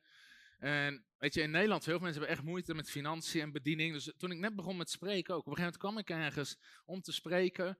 En we hadden een vergoeding afgesproken. En vlak voordat ik moet spreken, zegt die leider, hij zegt, uh, ja, jij predikt geloof toch? Ik zei, ja. Hij zei, nou, dan kan ik wel geloof hebben voor je voorziening. Je krijgt niks vanavond. Nou, ik heb geleerd om dat soort dingen gewoon meteen los te laten. Als iemand God wil liegen of bedriegen, moet hij zelf weten. Maar ik hou mijn hart zacht. Dus ik zei, ik zei, ik zei, Heer, ik ben niet afhankelijk van Hem. Dat je, probeert eens met één oog omhoog te kijken, met één oog naar beneden. Dat kan niet. Je kan niet naar God kijken en naar mensen. Dus ik zei, Heer, ik geloof u. Zorgt u er maar voor. In ieder geval, vlak voordat ik moet spreken, komt er een boom van een kerel komt binnen. En die loopt naar de voorste rij. Hij vraagt, wie is hier de spreker? Ik zei, misschien. ik weet niet wat er nu gaat gebeuren, of we nog gaan spreken vanavond, weet je wel. Misschien. Hij zei, jou moet ik hebben. Ik dacht, oei, oei, oei, wat gaan we hier beleven? Ik ben er niet eens begonnen en hij is het al niet mee eens. In ieder geval, hij pakt echt min of meer zo'n envelop uit zijn zak. Hij zegt, hier, alsjeblieft. Hij geeft, dat is die avond, dat, dat, daarvoor heeft die man dat gezegd. En ik zeg, hè? Hij zegt, ik zeg, wat is het verhaal hierachter? Hij zei, ja, ik wilde vanavond helemaal niet naar de dienst komen, maar ik zat te eten met mijn vrouw en de Heilige Geest zei, vanavond spreekt daar en daar een jongen en ze geven hem geen geld. Pak al het cashgeld wat je in huis hebt, stop het in een envelop en breng het naar hem toe. Halleluja!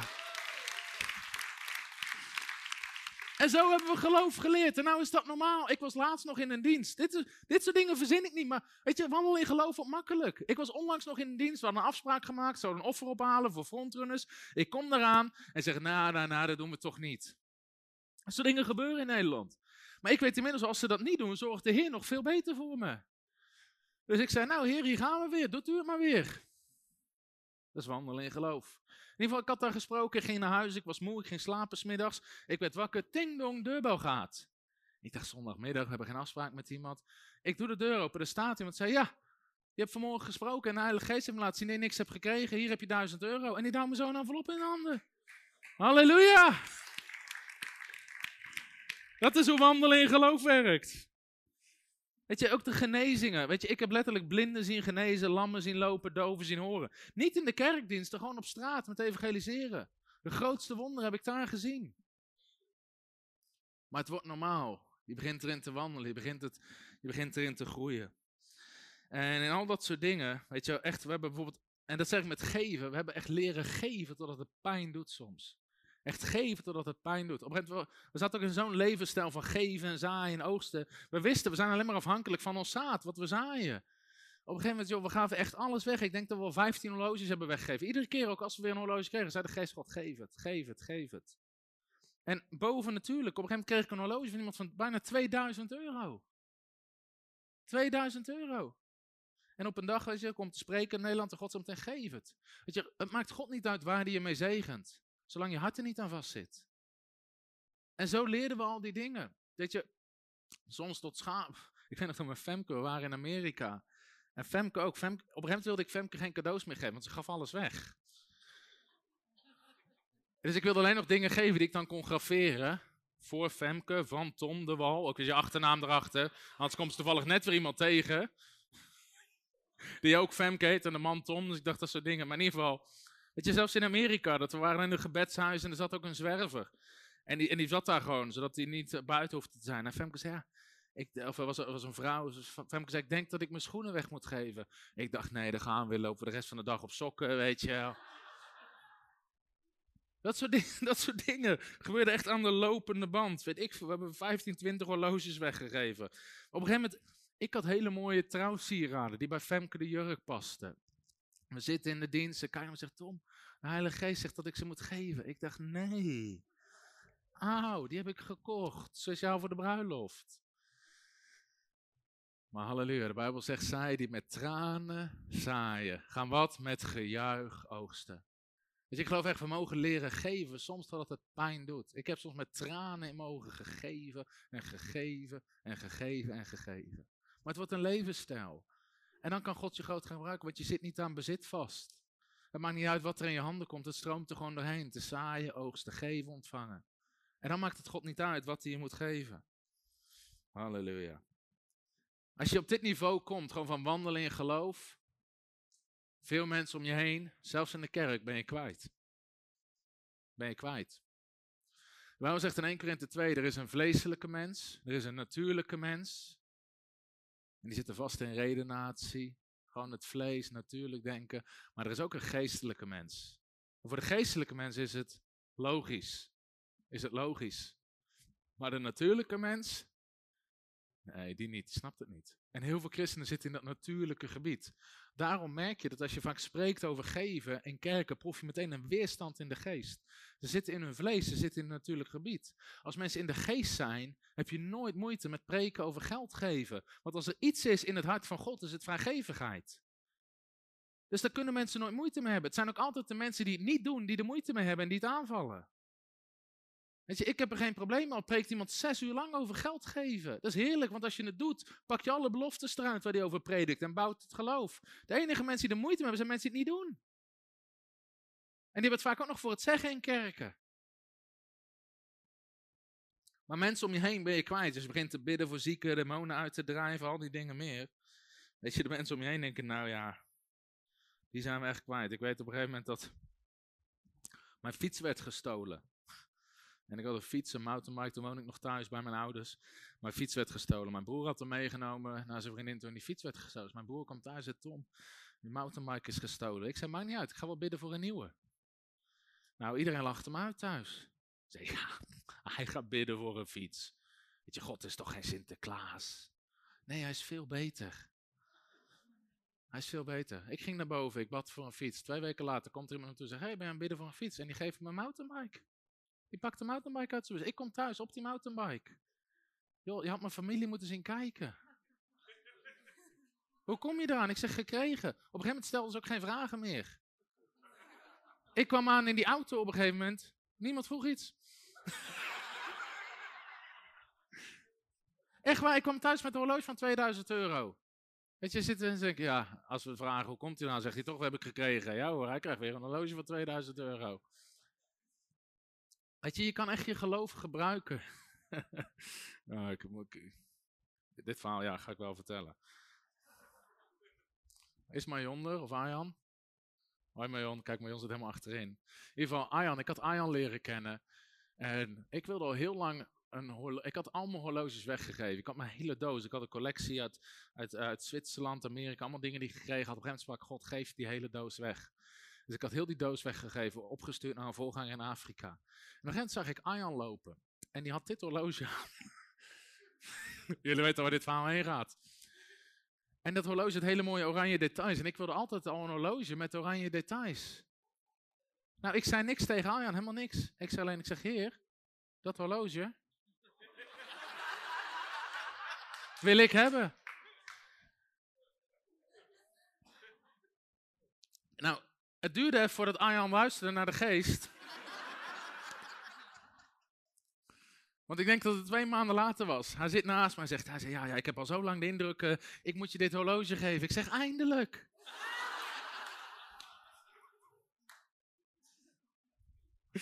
Oh, halleluja. Wie geniet van dit soort verhalen? maar op een gegeven moment ga je gewoon je geloof gebruiken voor dingen. Je zit er niet aan vast, je geeft het zo weer weg. Man, ik heb de meest bizarre dingen heb gekregen. Gegeven moment, die auto was veel te klein. Dus ik, moest, weet je, ik ging God geloven en vrienden van ons kregen een auto-ongeluk. Dus we gaven hun geld voor een auto, maar we hadden zelf een auto nodig. Ik zei, heer, ik geloof u voor een auto. Toen dacht ik, ja, maar alles is mogelijk voor wie gelooft. Dus op een gegeven moment dacht ik, joh, ik ga niet voor een middenklasser. Ik dacht, als ik, ik wil een BMW. Halleluja. Ik wil een BMW. En halleluja, amen. Dus, maar dit is het ding, je hoeft je ogen niet gericht te houden op mensen. Waarom zeg, maak je verlangens bekend bij de Heer. Weet je, dat is soms ook een religieus ding in Nederland. Je kan een nieuwe Skoda kopen van 40.000 euro als voorganger, heeft niemand problemen mee. Maar rij je een BMW van de helft en mensen verafschuwen het. Weet je, soms moet je die religieuze geest ook een beetje irriteren. kan je doen door je preek, maar ook gewoon door je auto. In ieder geval. Dus um, ik zei, nou heer, ik ga u geloven voor een BMW. En we hadden zaad gezaaid, we hadden geld gegeven voor een auto. Op een avond, ik zit voor we hadden een revive avond. En God spreekt tegen me. En God zei, vanavond ga ik je een auto geven. Ik dacht, halleluja. Halleluja. Dus in ieder geval, die avond, na die avond komt er iemand naar me toe. En uh, die zegt, ik heb het op mijn hart om je bedrag te geven voor een auto. Wat voor auto wil je? Ik zei, een BMW. Hij zei, is goed. Dus ik zei tegen Arjan, ik zeg, joh, ga maar zo'n auto zoeken, dit en dit zoek ik. En ik had tegen Femke, en dit is om te zien hoe God erin zit. Ik had tegen Femke gezegd van, ik zei, ik wil zo'n ik wil zo'n BMW, hij moet een hele aparte kleur. Zit tussen grijs en bruin in, met licht leer en een hele aparte bekleding. Dus geen standaard, geen, in de zin van qua kleuren, geen standaard BMW. En voor de rest, ik had helemaal geen verstand van motoren of dat soort dingen. Dus dat maakte me niet. Ik zei gewoon, heer, ik wil, ik wil zoiets. En op een gegeven moment, Arjan belt me op. Hij zegt, en ik, dat had ik niet gezegd. Ik had niks gezegd over kleur, bekleding. Dat is Arjan belt me op. Hij zegt, hey, ik denk dat ik je auto gevonden heb. Kom je kijken? Ik kom kijken. Het is precies de BMW die ik geschetst heb naar Femke toe. Kleuren, interieur, precies die auto. En ik zei, dat is hem. En diegene betaalde hem. Halleluja. Halleluja, God is goed. Amen.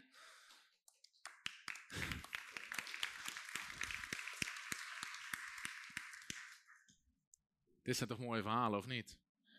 Toen zei ik, heer, ik zeg, maar ja, zo'n auto moet ook onderhouden worden, dat kost ook geld. En op een gegeven moment, God spreekt tot Arjan en Arjan zegt, weet je wat, die auto is voor de bediening, wij doen al het onderhoud met het bedrijf. Halleluja. Ik zei, heer, zo'n ding gebruikt brandstof. Echt waar! Ik ben aan het prediken ergens. Ik heb dit nog nooit tegen iemand gezegd. Er komt een ondernemer naar me toe. Hij zegt, ja, God zei uh, dat ik dit aan je moest geven. Hij geeft me een tankkaart. Hij zegt, tank zoveel je wilt. Vanaf nu tank je altijd op mijn kosten. Halleluja. Ik kwam een keer bij een kerk en iemand zei, hoe kan jij zo'n dure auto rijden? Ik zei, nou, het kost helemaal niks. Die Fiat Panda van jou, die is duurder. Ik heb er niks voor betaald. Hij kost niks in het onderhoud. En hij kost niks om te rijden.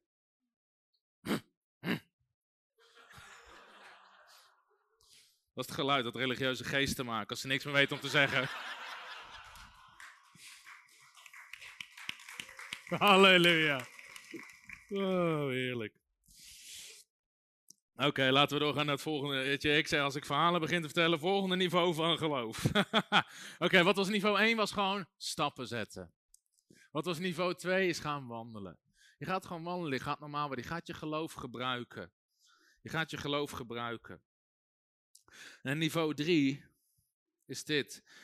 Dan heb, het heb ik het uh, vrijdagavond al heel licht aangehaald. Hebreeën hoofdstuk 12, vers 1. En 1 Korinthe 9, vers 24. Wat zegt de Bijbel daarover? Dat is Hebreeën 12, vers 1. Wel nu dan, laten ook wij, nu wij door zo'n menigte van getuigen of door geloofshelden omringd worden, afleggen alle last en de zonde die ons zo gemakkelijk verstrikt. En laten wij met volharding de wedloop, en dan eigenlijk bestvertaling is rennen die voor ons ligt. Er is een niveau van geloof dat je begint te rennen. Het spreekt over een wedloop, over een race. Een race loop je niet, een race ren je. Paulus zegt in 1 Korinthe 9, vers 24, hij zegt ren als degene die de prijs wil ontvangen. Ren als degene die de prijs wil ontvangen. Wat zegt Paulus aan het eind van zijn leven in 2 Timotheus 4, vers 7? Hij zegt: Ik heb de goede strijd gestreden en ik heb de wedloop of de race volbracht. Wauw. Als je eenmaal weet hoe geloof werkt, wat geloof is, hoe je het kan gebruiken, dan kan je het gaan versnellen. En dan ga je ermee rennen. En dit kan voor iedereen ook op een ander gebied zijn. Maar misschien ben je een ondernemer. En heb je op een gegeven moment leer je om je geloof te gebruiken voor ondernemen. Om deals binnen te halen, om te geven aan het koninkrijk. En het gevaar is dat we blijven stappen. Dat we doen waar we comfortabel mee zijn. Maar wat je moet doen is gaan rennen. Dan zeg je: Oké, nou ga ik het uitbuiten in de goede zin van het woord. Ik ga God geloven voor grotere dingen. En grotere dingen. En grotere dingen. Dus weet je, wat wij altijd doen. En uh, bijvoorbeeld ieder jaar sta ik in geloof om meer geld weg te geven als het jaar daarvoor. Het eerste doel wat ik voor het nieuwe jaar wegzet. Is hoeveel geld gaan we dit jaar weggeven. Niet hoeveel gaan we krijgen met de bediening. Hoeveel gaan we weggeven. Want ik weet het is een zaad voor wat we gaan krijgen. Saaien en oogsten. Maar ieder jaar zet ik dat doel hoger hoger. Want ik heb geleerd hoe dat geloof werkt. Nou, ik zit niet meteen op het niveau dat ik kan zeggen, nou, ik kan 10 miljoen weggeven. Zit ik niet. Maar we, we zijn wel begonnen. In het begin was het 10 euro geven, was veel. Weet je ik ben begonnen? Toen ik net, toen ik net tot geloof was gekomen, mijn ouders gingen naar de traditionele kerk. Ik moest naar de kerk gaan. Ik zeg, uh, ik zeg, mam, ik ga naar een andere kerk, mag ik geld voor de collecte? Nou, als ik ouder was geweest, had ik gezegd, hier heb je het, maar dan is de oogst ook voor mij.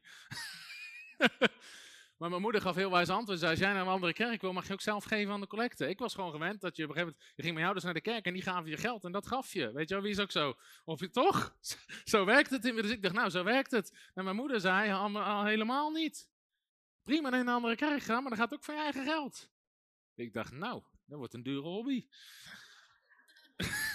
maar op een gegeven moment je voor het eerst, wat ik zei, 10 euro. 20 euro, 50 euro. Op een gegeven moment geef je een keer 100 euro. Dan denk je, goeiedag, 100 euro.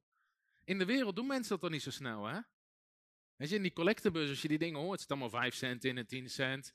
De meeste mensen proberen ook 8 keer 5 cent in één keer erin te gooien. Dat klinkt alsof het heel veel was, maar het was maar 45 cent. Dus als dat je maatstaf is, 100 euro wel veel. Maar dan zegt de geest God een keer, geef 500 voor het eerst. En dan geef je duizend voor het eerst. En dan geef je 2000. En dan geef je 5000. Man, ik weet de eerste keer dat de geest van God op me sprak om 5000 euro. Ik dacht, 5000 euro. Goeiedag. Weet je, werd getest daar. Je geloof, van doe je het. Maar dan geef je gewoon 5000. Dan wordt 5000 normaal. En ik zeg dit, ik zeg dit echt nederig. Maar weet je, als je kijkt waar we nu zitten ten opzichte waar we begonnen zijn, is boven natuurlijk. Is boven natuurlijk. Maar je gaat rennen, je gaat je geloof gebruiken. En sommigen van jullie hebben dit misschien lang zien komen op Facebook. Ik was niet van om het te delen, maar zit een verhaal aan vast. In ieder geval, um, Jan Sjoerd Pastenkamp was mijn geestelijke vader. Op een dag belde Jan Sjoerd mij op eh, en hij zei, oh, mijn zoon heeft een nieuwe auto nodig. Hij zei, ik weet dat jij connecties hebt in de autowereld. Um, zou jij willen kijken? Hij vroeg niet om geld, hij vroeg niet om te geven. Hij zei: Wij hebben helemaal geen verstand van auto's. En ook niet wat er goede is of niet. Zou je gewoon willen helpen om er een uit te zoeken? En uh, dus ik zei: Ja, is goed. Ik zeg: Daar wil ik wel mee helpen. En in ieder geval, dat was eigenlijk in de tijd, vlak daarna overleed Jan Sjoerd. Dus ik moest er weer aan denken en ik ken ze zo goed. En uh, dus ik dacht: Nou, ik bel hem eens op. Jan Sjoerd heeft dat aan me gevraagd en ik ga dat waarmaken. Dus ik bel hem op. Ik zeg: Joh, uh, je vader heeft dit gevraagd. Kan ik je helpen om iets te zoeken? Kunnen we iets zoeken voor je? En hij zei, ja, we hebben echt heel hard een andere auto nodig, dit en dat. Ik zal het niet het hele verhaal vertellen, maar financieel was het heel lastig. Hij zegt, we hebben een andere auto nodig, maar we kunnen hem niet betalen. Hij zegt, dus je hoeft ook niet te zoeken. En uh, dus ik zei, nou goed, laat me weten wanneer je het kan betalen. In ieder geval, ik ging de telefoon op en op dat moment spreekt de geest van God op me. En de geest van God zegt, Tom, ik wil dat je een auto voor hem koopt. Ik wil dat je een auto koopt. Dus ik dacht, oké, is goed. Dus ik ging, uh, ik probeerde een beetje uit te zoeken. Hij zei, ja, we hebben een 7 zitten nodig, dit, dat.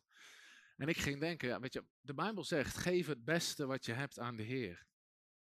Als God het zegt en ik ben in staat, ga ik geen auto kopen die volgend jaar al niet meer door de APK komt. Dan ga ik iets geven wat een koninklijke standaard is. Dus op een gegeven moment dacht ik, als je echt, echt, echt een goede auto wil geven, moet je een BMW geven. In ieder geval, op een gegeven moment, ik belde hem op en ik, zei, en ik had niet gezegd dat ik ging geven. Ik zei van, joh, als we gaan zoeken, heb je wel eens aan een BMW gedaan? Hij zei, nee. Hij zei, nee, dat kunnen we nooit betalen. Hij, dus ik zeg, oké, nou goed, dan weet ik dat. Maakt ook niet uit. In ieder geval, zei, heer, ik ga u geloven om een auto weg te geven. En God bracht een auto op ons pad. En we hebben gewoon een, echt een schitterende BMW voor hem gekocht. En gewoon weggegeven. Zei hier, weet je, we hadden als verrassing ingepakt. Dat was echt leuk, we hadden hem geblinddoekt naar een showroom gebracht. Ik dacht, dan doen we het ook op een leuke manier. In ieder geval, en uh, hij deze blinddoek af en we trokken het doek van die auto. Ik zeg, hier, God heeft gezegd dat ik moet geven. En ik gaf hem die BMW samen met zijn vrouw. Weet je, ze, ze, konden alleen maar huilen. Ze waren zo geraakt. En het verhaal was dat ze moesten een nieuwe auto hebben. Die kinderen zaten helemaal niet lekker in die andere auto. Ze moesten vaak met twee auto's, want niet alle kinderen passen erin. Dus ze hadden geen zeven zitten, allemaal, dingen meer. Ze waren aan het zoeken en ze kwamen tot de conclusie, met ons budget, we kunnen niks goeds kopen. En een van die kinderen, en die de naam van dat kind is, is Voorzina, Jaira. Die had gezegd, papa, waarom kopen we geen BMW? Had gezegd, nou, dat kunnen we niet betalen, maar als je er een wil, moet je ervoor bidden. Dus dat jochie was gaan bidden voor een BMW. En hij krijgt die BMW. Halleluja, God is goed.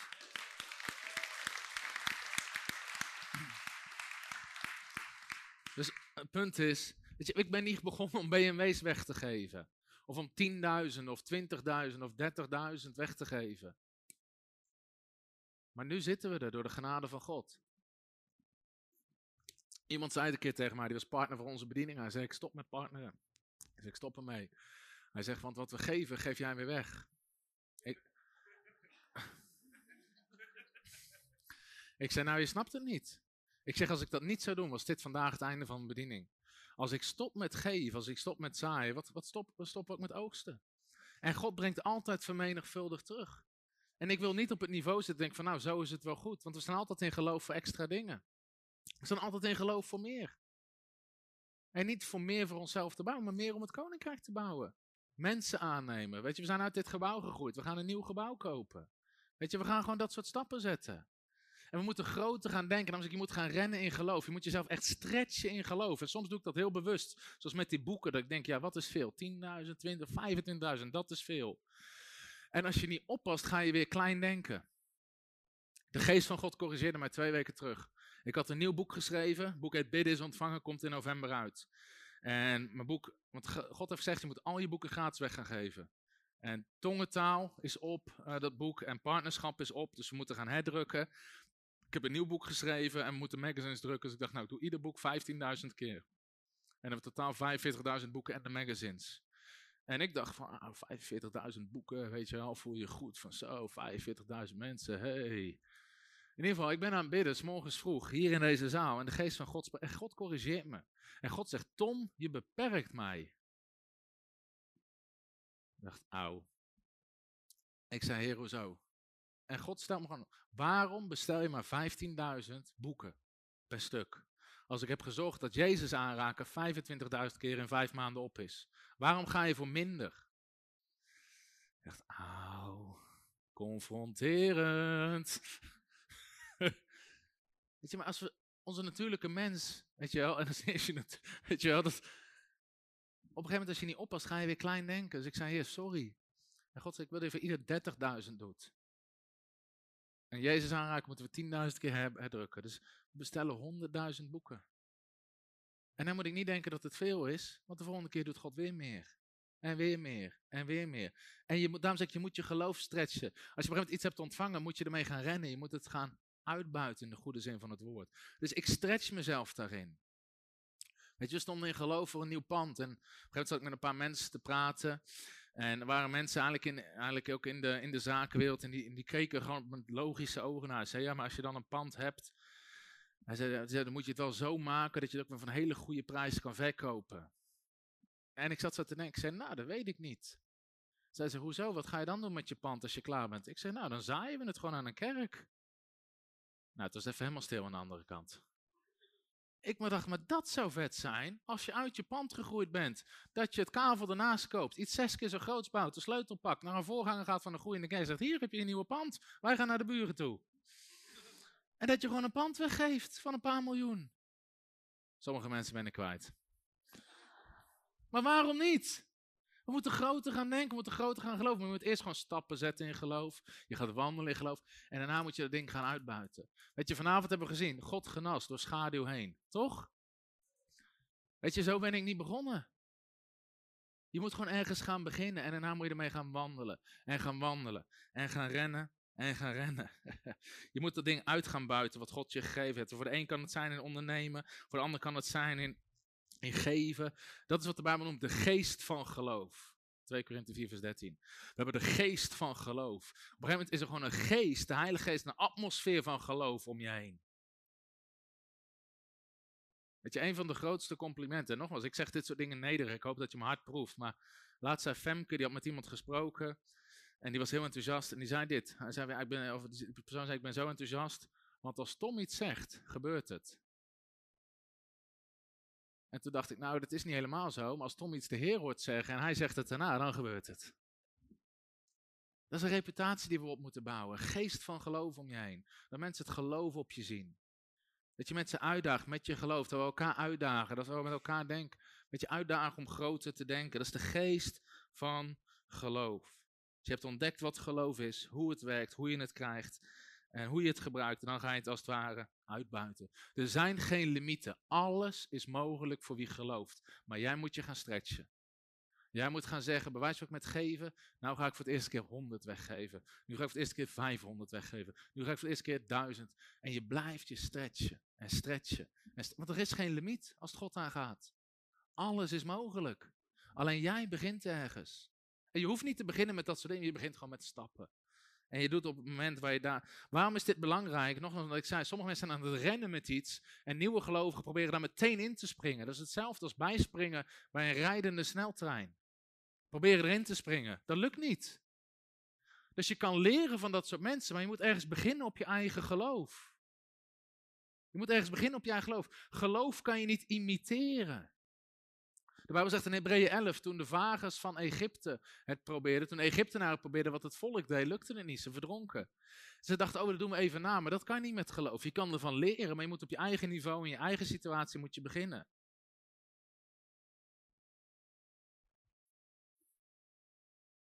En ik geloof echt dat dat is, dat is iets wat God, wat God wil doen, dat God het, God het wil stretchen. Zal ik nog één verhaal vertellen? Of zijn jullie verveeld? En sommige, de meeste, van jullie kennen, kennen dit verhaal wel, maar weet je, ik geloof ook de geest van geloof. Ik heb ooit iemand dit horen zeggen. Je hebt een vernieuwd denken als het onmogelijke logisch wordt. Die moet je opschrijven. Je hebt een vernieuwd denken als het onmogelijke logisch wordt. En daar ga je naartoe groeien in geloof. Nogmaals, mensen om je heen ga je kwijtraken. Maar je kan echt op niveau komen. En dat is niet arrogant dat mensen zeggen, ja, mensen kunnen een heel ernstig verhaal komen. Ik heb kanker, dit en dat. En er staat, oké, prijs God, God gaat een wonder doen. Want dat wordt normaal voor je. Want je hebt het zo vaak zien gebeuren. Dat met financiële nood. Kijk, we hebben. En er is niks mis mee om op een niveau te zitten. Maar je hebt op een gegeven moment een vernieuwd denken. Dan wordt het onmogelijke wat logisch. Als iemand tegen jou zegt: Jongen, jongen, ik heb duizend euro schuld. Zeg maar duizend euro. Weet je, want je hebt geloof gebouwd voor financiën. Ik, weet dat ik zelfs voorbeeld mag gebruiken. Daniel en Tamara. Die kwamen op de Bijbelschool. En Daniel zei: Ik wil je spreken. In ieder geval, ze hadden, ze schulden in hun leven door een situatie opgebouwd. En hij hoorde hier spreken over geven en tiende. En hij zei van, joh, ik, uh, ik wil het wel, maar ik, we kunnen het niet. We hebben schulden, hoe moeten we dat doen? En ik zei, nou, je moet het gewoon gaan, gaan doen. Je moet je geloof gaan gebruiken. Nou, in het natuurlijke is dat helemaal niet logisch. Ze zeggen, je moet zoveel mogelijk sparen om, om het af te betalen. Maar God zegt, geef en je zal gegeven worden.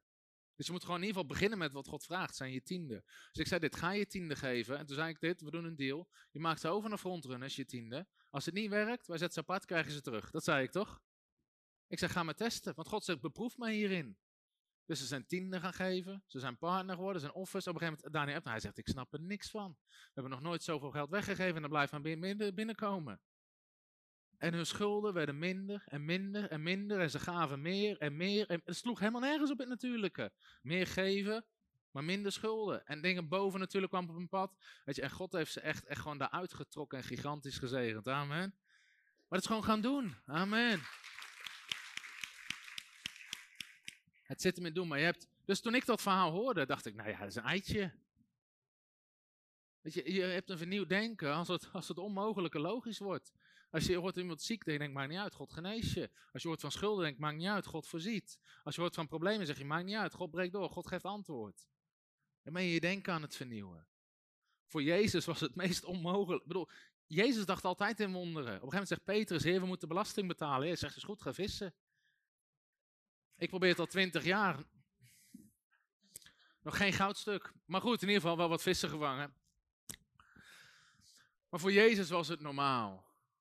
Voor Jezus was het normaal. Dat begint te rennen. Dus ik weet niet waar je zit. Sommige mensen moeten hun eerste stappen gaan zetten. Sommige mensen moeten gaan wandelen, moeten gaan vaak gaan. En anderen, je weet eigenlijk al waar je kracht ligt, waar je gaaf ligt. Je moet dat gaan uitbuiten. Je moet gaan stretchen. Je moet je uit gaan strekken voor meer. En gaan rennen met het geloof wat je ontvangen hebt. Amen. Is hier iemand door gezegend? Amen. Ik heb nog een specifiek iets wat ik op mijn hart heb vanavond. Maar ik wil vragen dat we eerst één keer kunnen zingen I Walk by Faith. En daarna ga ik uh, wat God me op mijn hart heeft gelegd voor vanavond ook voor een stuk soort van bediening wil ik gaan doen. Laten we God een applaus geven wat hij heeft gezaaid.